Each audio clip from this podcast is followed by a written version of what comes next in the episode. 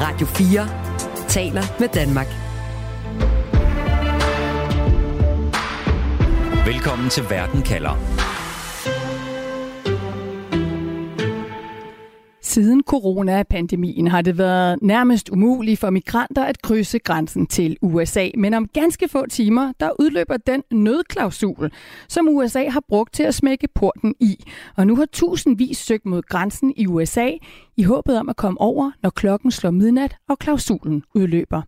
Derfor spørger jeg i dag, kan USA forhindre tusindvis af migranter i at krydse grænsen?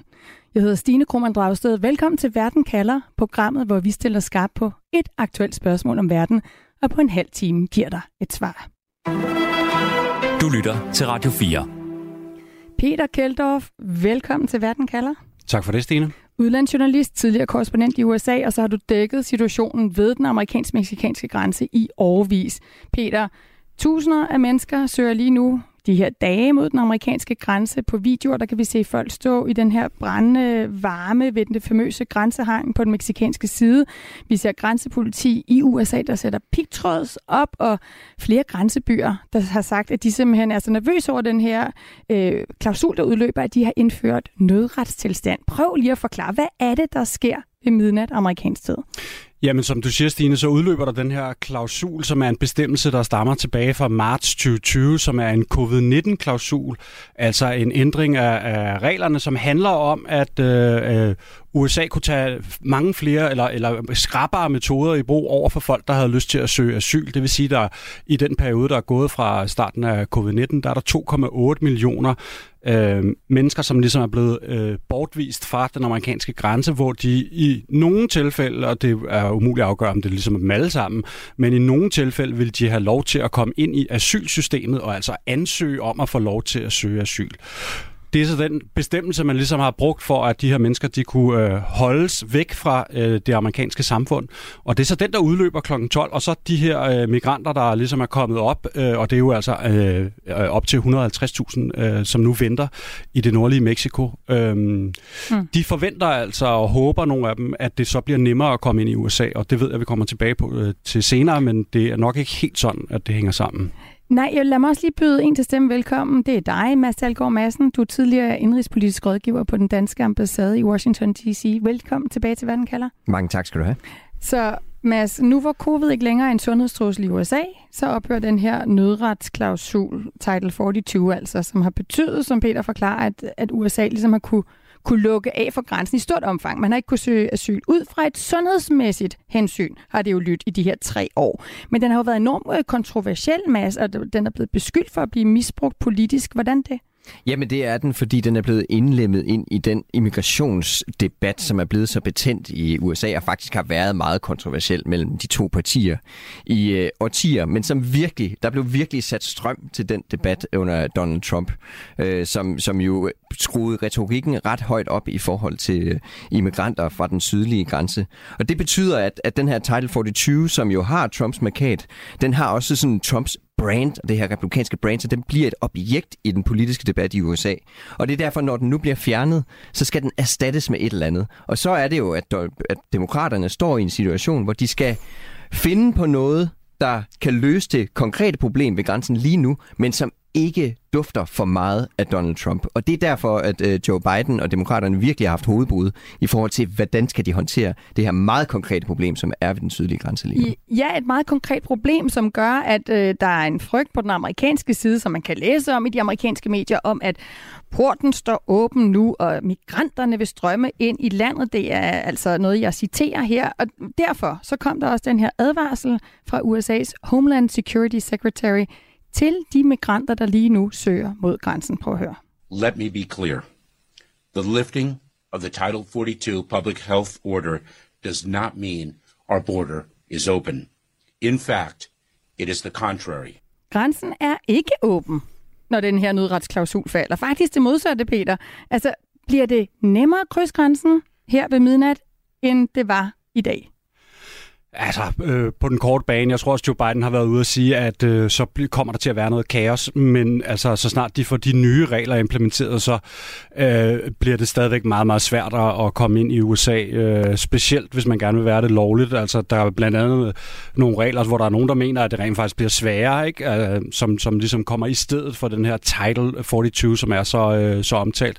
Blandt andet så øh, kan man ikke få lov til at få asyl, hvis man ikke har søgt asyl i nogle af de lande, man har rejst på undervejs. Så lad os tage eksemplet, at du har en, en øh, enlig mor, der kommer fra Venezuela eller et eller andet sted.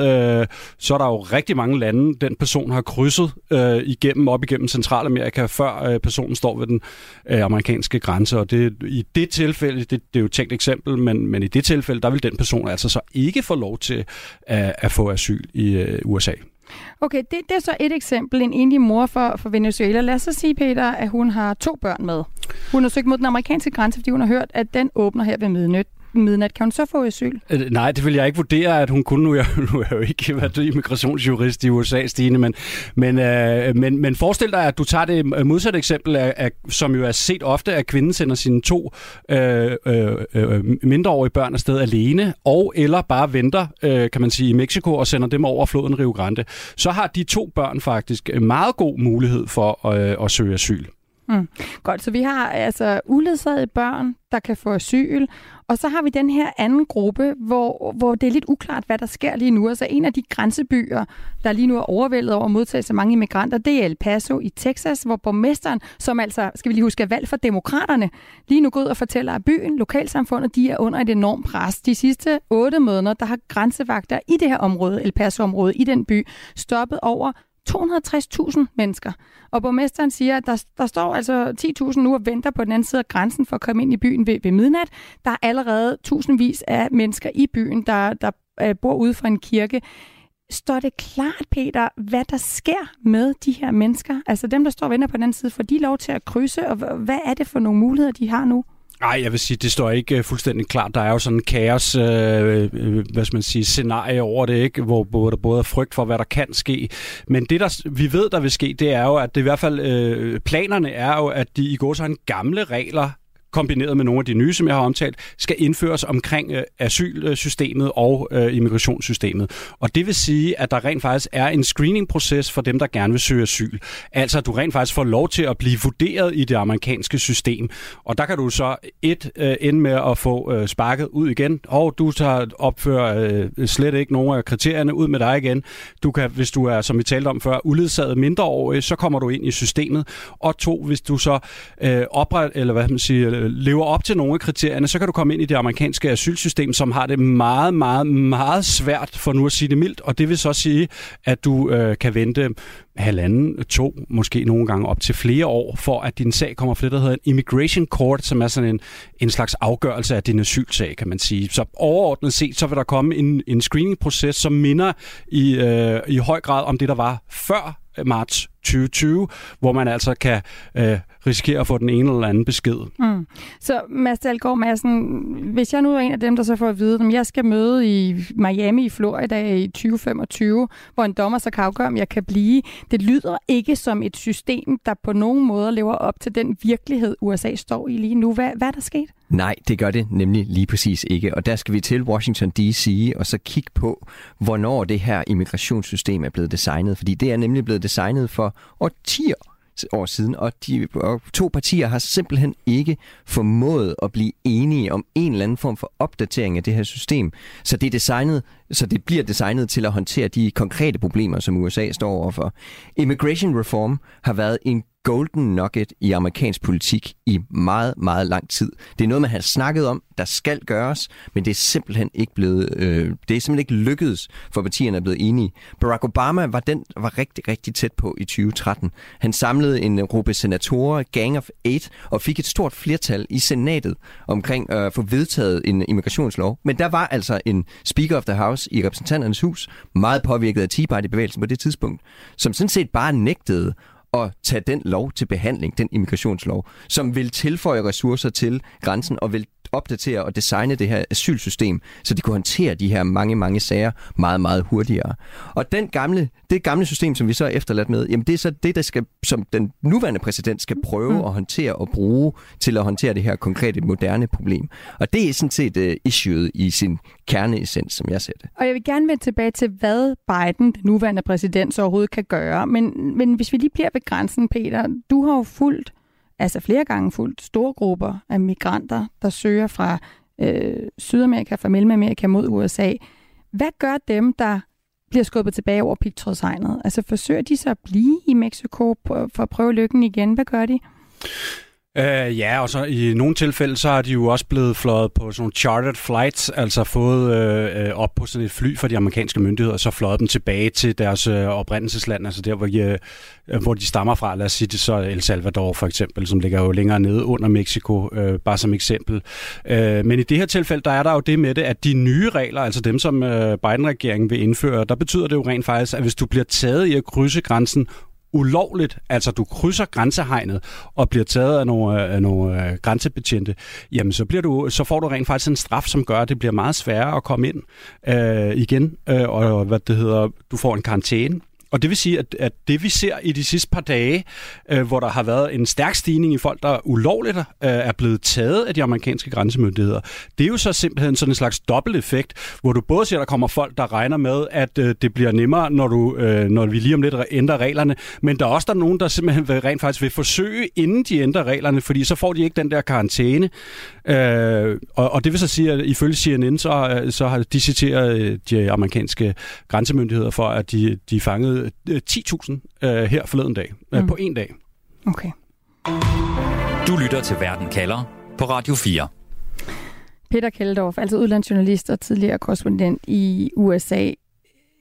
De mennesker, som vi taler om, som lige nu, altså som, nogle af dem har allerede krydset grænsen for at nå det, inden den her klausul udløber, fordi så tror jeg, at de har for større mulighed for at blive, som du siger. Nogle har øh, fået at vide, at nu er porten åben her fra midnat, øh, og står og venter der. Hvor kommer de fra? Jamen altså, de kommer i høj grad fra landene under, under Mexico, altså de centralamerikanske lande. Øh, Venezuela, som vi også har været inde på, er også et, et, øh, et land i kæmpe krise.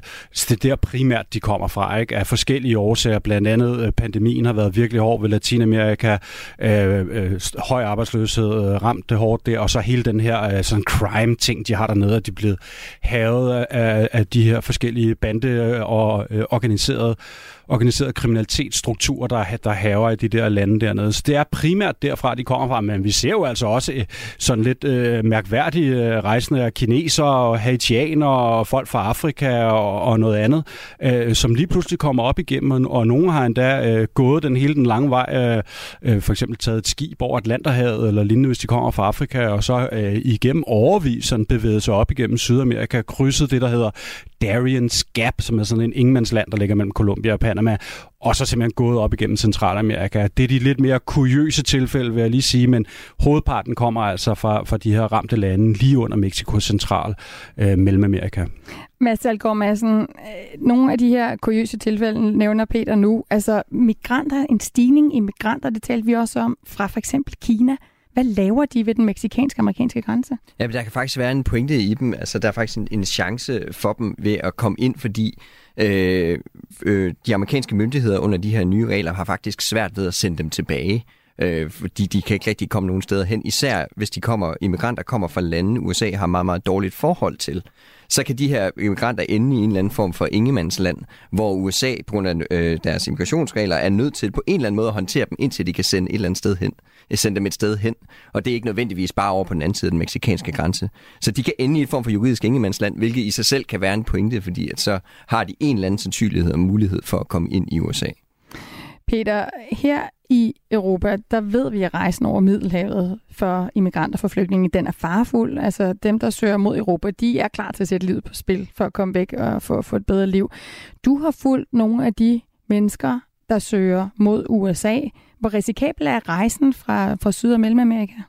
Ej, den er meget risikabel. Øh, de rejser blandt andet oven på det, man kalder for La Bestia, som er sådan et togsystem. Bæstet på dansk, uh, The Beast på amerikansk kalder man det nede i Mexico, hvor de sådan helt i den sydlige øh, del af Mexico, grænsen op mod Guatemala, sætter de sig op på, på toppen af togene og kører igennem jungle og ørkner og bjerge, uh, og så sidder som sådan ulovlige passagerer derop. Men hvad der ofte er, uh, hvad skal man sige, lidt mere farligt for dem, det er jo, at, at hele det her, det er ligesom organiseret af, af menneskesmuglere, som så igen er styret af de meksikanske karteller, altså organiseret kriminalitet, og ikke bare noget hygge organiseret kriminalitet. Det er bad, bad bad people, øh, der ligesom tjener penge på de her migranter, der er ved op.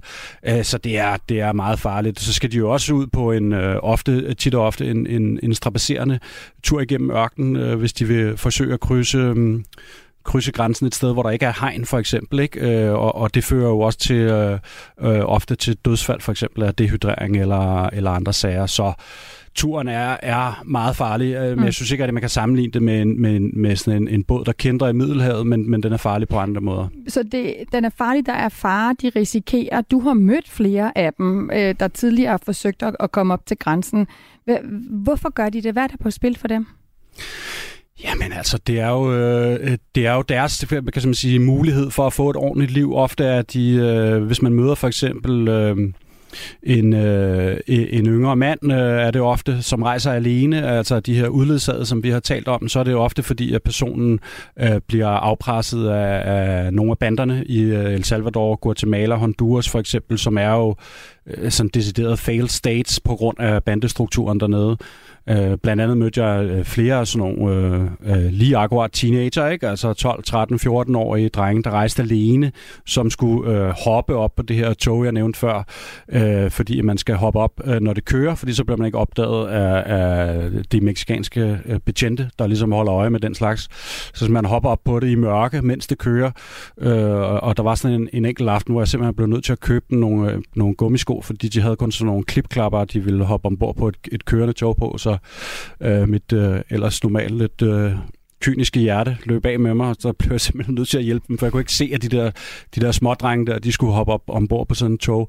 Men så er det jo også alle mulige andre. Altså, det er, det er enlige mødre, der rejser med deres, øh, med deres små børn, som vil væk fra øh, afpresning. Øh, måske nogle af dem, jeg har mødt, har, at, at kvinderne er blevet afpresset til, til sådan øh, prostitution eller noget, der minder om det, ikke, af, af banderne. Øh, så hmm. det er jo sådan væk fra en øh, altså udover selvfølgelig, hvad skal man sige, fattigdom og, og ikke særlig mange muligheder for sådan øh, livet, så er det jo også det her øh, meget, meget voldsomme kriminalitet, afpresning, tvang øh, ind i banderne, eller intet, eller giv mig alle dine penge, eller vi øh, dræber din familie, eller, eller noget af den retning, ikke? Så der er ikke bare øh, det amerikanske sådan, drøm om Amerika, der trækker. Der er bestemt også noget, der, der skubber den anden vej. Lad os lige øh, prøve at tale lidt om, hvad USA så kan gøre nu for at stoppe de mange mennesker, der gerne vil ind i landet. Radio 4 taler med Danmark. Vi skal lige starte med at høre et klip fra en borgmester i Rio Grande City, som vi talte med i et tidligere program her i Verden kalder, øh, hvor vi netop spurgte ham om, hvad han vil ønske, at øh, politikerne i USA vil gøre for at løse det her migrationsproblem. It doesn't seem like there's some type of bipartisan solution here. Keep in mind that this is a federal issue, and yet we're having to deal with at a local level. I mean, it's right here. They're knocking on the front door. Ja, altså han siger, det, det virker ikke som om, at der er en løsning, som de to partier kan finde ud af sammen, men det bliver altså et problem for os her lokalt. Mads Dahlgaard Madsen, altså tidligere indrigspolitisk rådgiver på den danske ambassade i Washington D.C. Hvad kan Washington D.C., hvad kan kongressen gøre for at løse det her problem, hvis de vil? Jamen, det, øh, det, er jo, det er jo et meget godt eksempel på, hvordan det amerikanske politiske system eksisterer øh, og fungerer her, fordi ham, ham borgmesteren her har fuldstændig ret. Grænseproblematikken er et føderalt issue. Så det, det, det er den føderale ressortområde, så det er kun i kongressen, at man kan løse det her via en ny immigrationsreform. Og der skal vi også forstå øh, forskellen på det hvide hus og kongressen. Kongressen er den eneste instans, der kan lave lov i USA. Det er den eneste instans, der kan tilføje penge til et område i USA. Præsidenten er sådan set den eneste, der i sådan marken af en lov kan ændre nogle ting. Men sådan at allokere mange midler til et bestemt problem, det er kun i kongressen, man kan gøre det.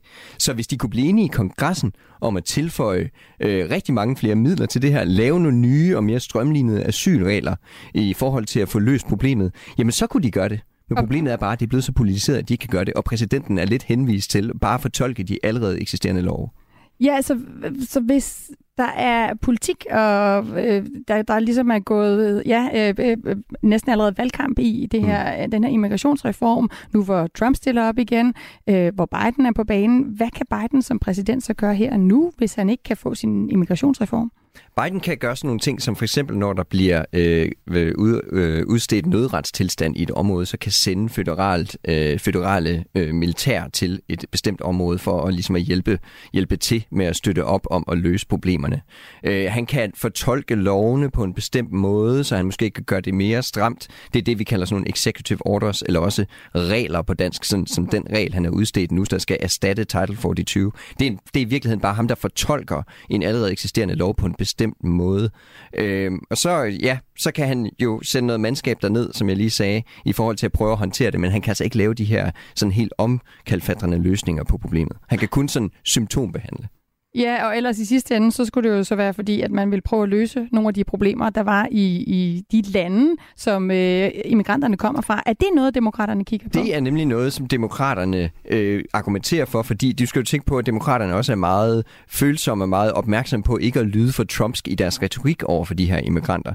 Så det er en af deres sådan, hovedløsninger og, og måder at forsøge at opdæmme øh, al den her, alle de her immigranter kommer til grænsen, jamen det er ved at lave en form for quote on quote nation building i de stater, hvor folk øh, prøver at flygte fra. Altså så de laver via diplomati og via støtte, via øh, alle mulige former for subsidieordninger, prøver ligesom at hjælpe og, og, og gøre den økonomiske situation bedre i de nærområder, øh, som, øh, som immigranterne kommer fra. Og der kan man så diskutere, om det er, om det er lykkedes eller ikke er lykkedes. Peter, imens så er en by som El Paso i Texas, som vi talte om før, under kæmpe pres. Øhm, og, og de her mange tusind mennesker, også dem, der allerede har krydset grænsen til USA, de er dybt forvirrede. Ikke? Nogle melder sig til grænsevagterne, det har de fået at vide, de skal. Andre forsøger at flygte videre ind i landet, uden at blive opdaget. Hvad gør man lokalt, når nu politikerne i Washington ikke kan få fingeren ud, så at sige? Jamen altså, et af tingene er jo sådan noget, øh, øh hvad skal man sige, chaos management, øh, kan man sige. Ikke? Altså, der er, øh, øh, øh, for, for ligesom at, at få hjælpe de her mennesker, som kommer ind, så skal der jo være øh, telte, shelter, deslignende, øh, og, og der skal være plads, så de kan ligesom kan gå et sted hen, øh, indtil man får afgjort deres sag. Og så er der jo også det med, at, at Texas øh, en af den, den, den største grænsestat jo øh, kører nogle sådan forholdsvis aggressive lokale politi, øh, politikker omkring det. Blandt andet har de øh, øh, løsnet sådan en, en bestemt form for for, for lovgivning, sådan så man kan øh, nemmere kan øh, agere som sådan noget vigilante, altså sådan selvtægtsmænd øh, på grænsen, øh, som de jo i, har i sådan nogenlunde øh, stor grad dernede i forvejen. Øhm, det er jo det, det er blandt andet en af tingene, ikke? og så er der selvfølgelig en masse politi, og de har jo også øh, udkommanderet, øh, tror jeg godt nok er fra federalt øh, side af 1500 tropper, og, og snakker om, om der kommer nogle flere. Mm. Men, men ja. hvis jeg lige må tilføje, der skal ja. vi bemærke med de her tropper, det synes jeg er ret interessant for os at, ligesom at vise den, øh, det, det, det, hvor svært demokraterne har at kommunikere med det her. Med det samme, de sendte de her ekstra 1500 tropper ned, så sagde de, det er kun ved logistik. Det er rent, det er logistikfolk, der skal gøre noget. Det er altså simpelthen ikke for at vise det der billede af, at vi sender her ned for at sørge for, at immigranterne ikke kommer over grænsen. Det er sådan den retoriske problem, som demokraterne har. Hvad siger det om, hvor sårbar Biden er herop til præsidentvalget i 2024, når han skal bruge sådan et sprog om at sende folk ned til grænsen? Det her, og nu skal vi jo se, hvordan det kommer til at løbe af stablen over de næste, over de næste par dage, men de billeder, der kommer ud herfra, bliver en af de helt store angrebsflanker øh, som republikanerne kommer til at føre over for Joe Biden. Man kan nærmest se, hvordan øh, de her angrebsvideoer, som man laver i amerikanske valgkampe, attack ads, de skriver nærmest sig selv lige nu. Altså Peter, du var jo nede og se dengang øh, karavanerne kom op igennem Mexico. Ja, det var præcis, ja. virkelig, altså det var Fox News, de kørte bare 24 timer med den her, og 24 timer i døgnet, hvor de bare viste karavaner og karavaner, og det blev sådan et valgkampslogan for republikanerne, hvor demokraterne igen havde rigtig svært ved at finde et, et ben at stå på. Og det er der altså risiko for, at det gentager sig igen nu.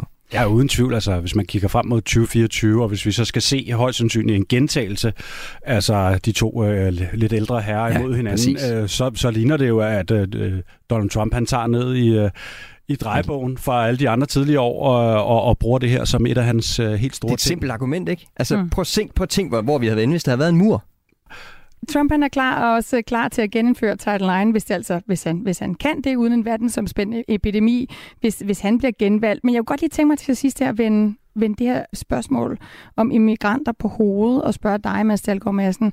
Hvor stort et behov er der egentlig i USA på det amerikanske arbejdsmarked for immigranter? Altså hvis de her folk faktisk kom ind, vil der så være jobs til dem? Altså der er rigtig, rigtig øh, stort behov for, øh, og så mange, mange af de største stater i USA er lige, faktisk ret afhængige af den arbejdskraft, der kommer fra, øh, fra øh, især Mexico, men de sydlige, sydlige lande over grænsen, fordi den er meget billig, og, det, og meget landbrugstunge stater bruger virkelig i høj grad den her arbejdskraft, så det er en signifikant del af den økonomiske aktivitet øh, at, at være afhængig af illegal arbejdskraft. Det er faktisk faktisk lidt paradokset i det her, i det her system. Øh, så, mm. så der er brug for det her, fordi det er meget svært at afsætte nogle af de her jobs til, til amerikanere.